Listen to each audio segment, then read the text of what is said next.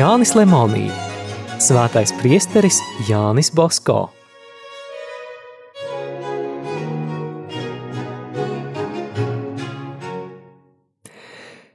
Šātā nobeidzis mācību gadu, daudz neiemācījies, norūpējies par nākotni, bet paļaudamies uz dieva gribu, Jānis brīvlaikā atgriezās mājās. Te bija pārmaiņas. Māte un brālis Jāzeps nošķīrušies no Antonija, nomājas uz Sambrīno saimniecību. Tā atradās pusceļā starp Bekiem un Kastelnovo. Jāzeps tur dzīvoja vienmēr, bet māte dažas dienas pie Jāzepa, tad atkal dzimtajās mājās. Jānis apmetās pie brāļa Jāzepa, ar kuru labi satika. Tur varēja mācīties, cik vien gribēja. Viņam jau bija sava neliela bibliotēka. Visvairāk tajā bija priesteru kaloso un lakvas dāvinātas garīga satura grāmatas. Viņš daudz lasīja svētā Alfona no liku rīdarbus. Daudzus no tiem Jānis zināja no galvas. Tomēr, negribēdams pārāk apnikt brālim, viņš palīdzēja arī lauku darbos, salāpīja drēbes, izgatavoja darba rīkus. Brīvlaikā Jāni iepriecināja kāda patīkama ziņa. Pēc pāvesta rīkojuma Turīnas arhibīskapija ieguva jaunu bīskapu, Aloīzu Fransonī, kas līdz tam laikam bija vadījis Fasāno diecēzi. Turīnas bīskapa vietu ieņemot šo svēto cilvēku gaidīja lielas vajāšanas un sāpīgi sitieni. Vēlāk, kā redzēsim, viņš kļuva priestera Bosko tēvs, padomdevējs un viņa ieceru atbalstītājs. Klusajā lauku nostūrī Jāni apciemoja vēl viens sapnis. Dažreiz viņš grāmatas paņēmis, aizgāja uz Jāzepa Turko, sava bijušā skolas biedra lauku, uzkāpa vīna dārza sargamājiņā un lasīdams sargāja sava kaimiņa vīnogu dārzu. Jāzepa Turko tēvs, saticis Jāni, uzsita viņam uz pleca un sacīja: Nebaidies, Jānīt, esi tikai labs un mācies, gan svētā jaunava palīdzēs. Esmu atdevis sevi viņas aizsardzībai, atteica Jānis. Tomēr vēl vienmēr nākotne man nav skaidra. Es gribētu beigt gimnāziju un stāties seminārā, bet mātei nav tādu līdzekļu.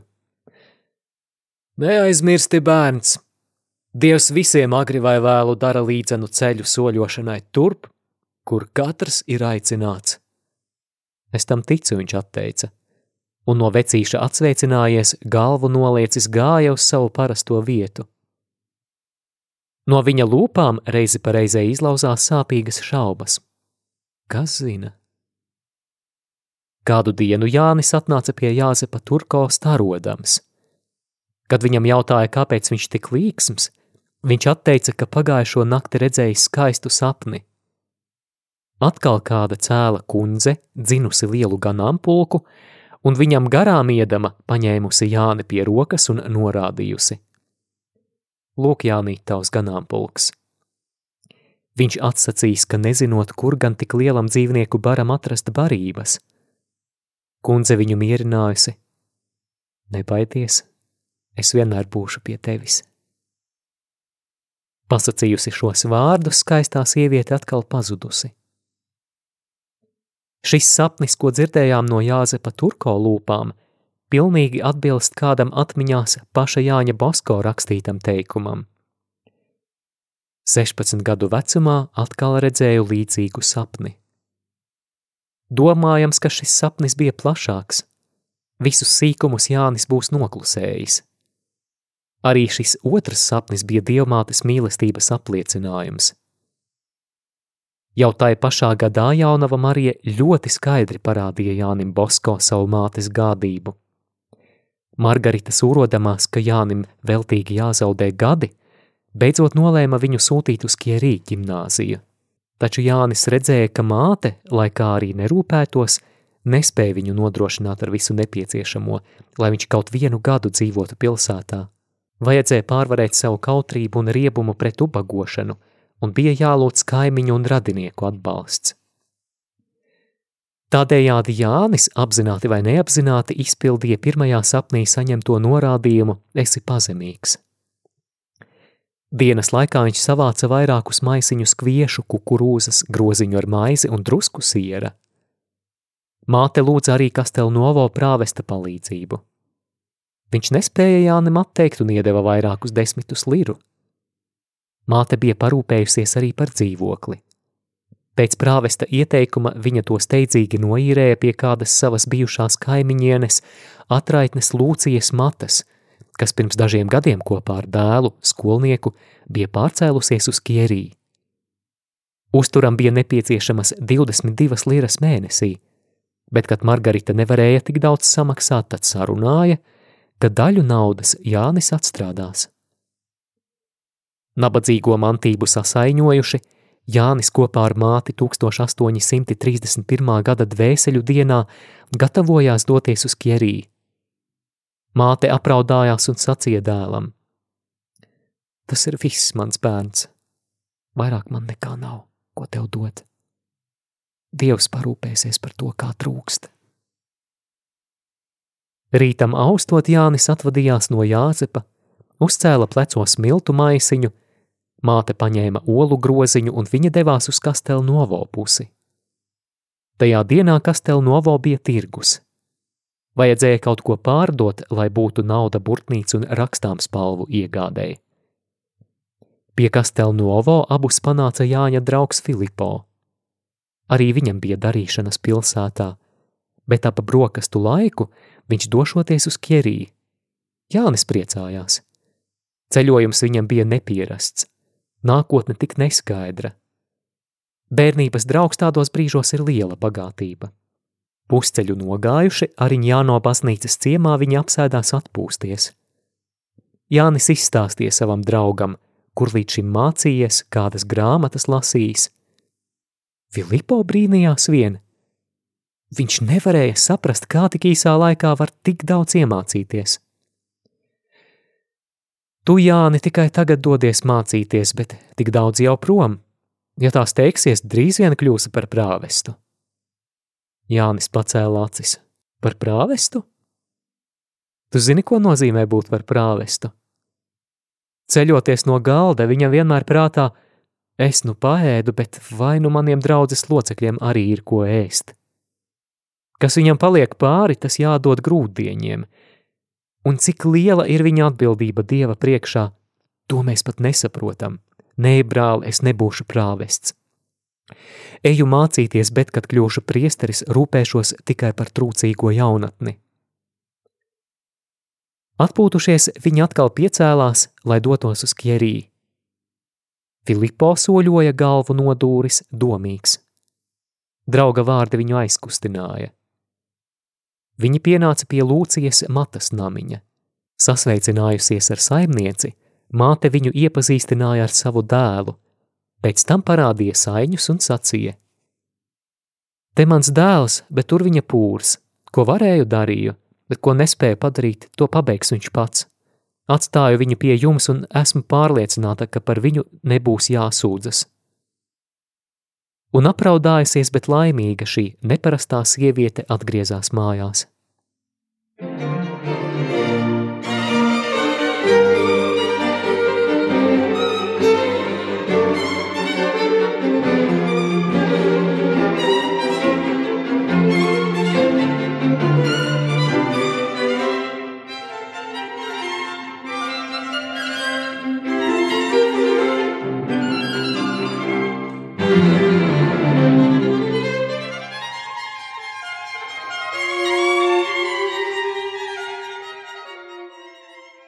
Piektā nodaļa – ģimnāzija.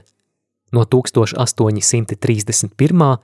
līdz 1835. gadam. Nelielākie arī pilsētiņa, kuru pusaplī ieskauj skaisti pakalni, ir paslēpusies auglīgā ielējā un atrodas 15 km uz austrumiem no Turīnas.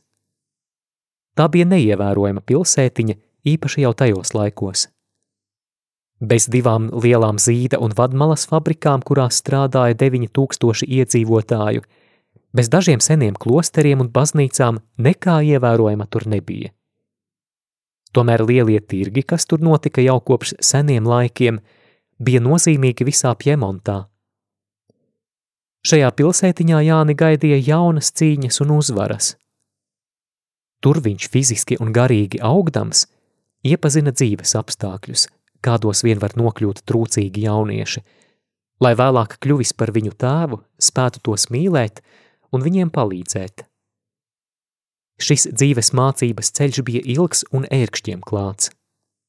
Pirmās draudzīgās attiecības Kierī Jānim radās ar priesteri Eistahiju Valimberčī. No viņa Bosko guva pirmos norādījumus, kā 16-gadīgam zēnam izturēties pilsētā. Bez iestāja eksāmeniem Jāni pieņēma ģimnāzijas sagatavošanas klasē, bet pēc diviem mēnešiem viņu pārcēla uz pirmo klasi. Vēl pēc diviem mēnešiem, noliekot pēc Ziemassvētkiem īpašus eksāmenus, viņš pārgāja uz otro klasi. Mācību gada vidū, ieraudzīdams klasē skolēnu gandrīz par sevi lielāku, jaunais skolotājs jokojās. Tas jaunais ir kas sevišķs, vai nu liels lempis vai ģēnijs, kā jums liekas? Domāju, kaut kas vidējs atbildēja Jānis. Jūsu priekšā ir jūsu skolēns, kas izpildīs visus savus pienākumus un cik vien varēs centīsies iegūt izglītību. Tāda droša un asprātīga atbilde skolotājam patika. Arī viņš no savas puses apsolīja palīdzēt. Parkjerī pavadīto laiku Jānis Bosko raksta tā. Vēl nebija pagājuši ne divi mēneši, kad notika šāds atgadījums – Kādu dienu skolotājs stāstīja par Kornēlija Nepota Agesilaja dzīvi. Kā par nelaimi biju aizmirsis mājās grāmatu. Gribēdams izvairīties no bāriena, turēja sev priekšā latīņu valodas gramatiku.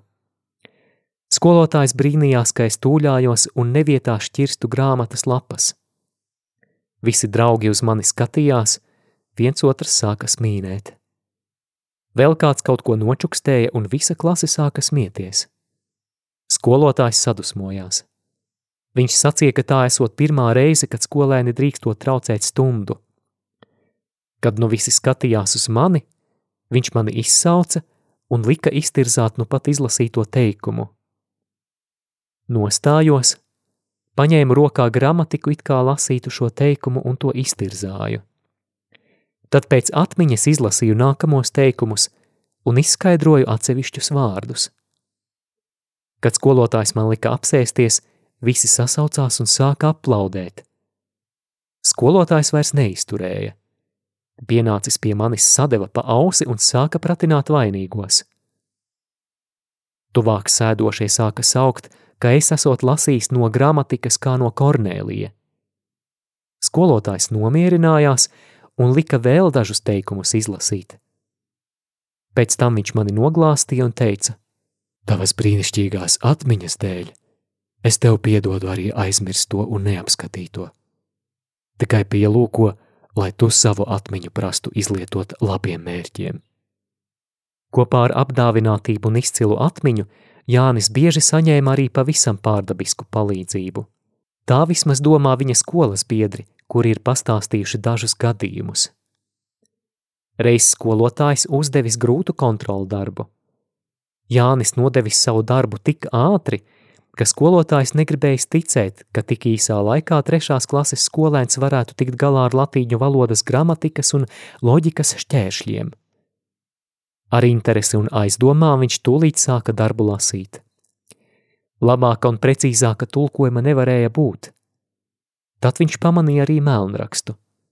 Tas bija līdzīgs tīrakstam, tikai rakstīts ar zīmuli.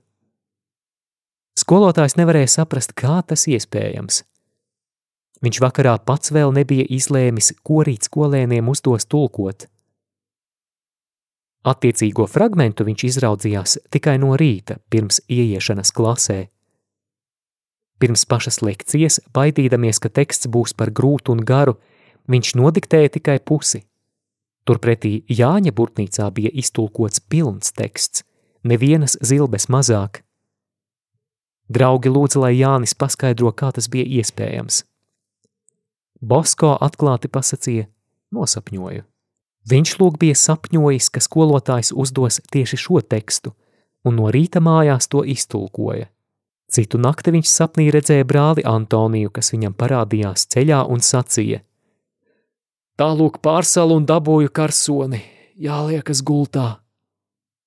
No rīta Jānis savu sapni izstāstīja draugiem. Tie viņu jau pazina un teica: Tu redzēsi, tā arī būs.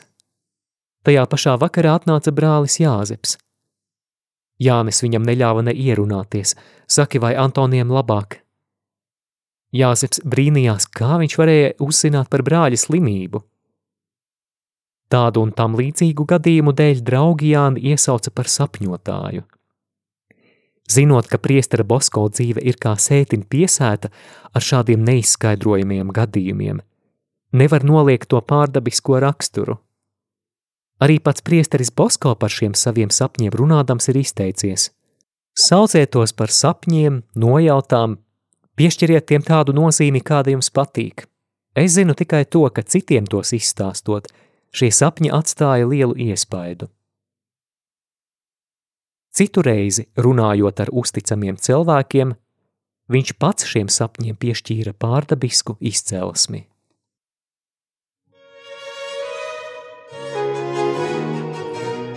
Izskanēja lasījums no Jāņa Lemonija grāmatas Svētais priesteris Jānis Bosko.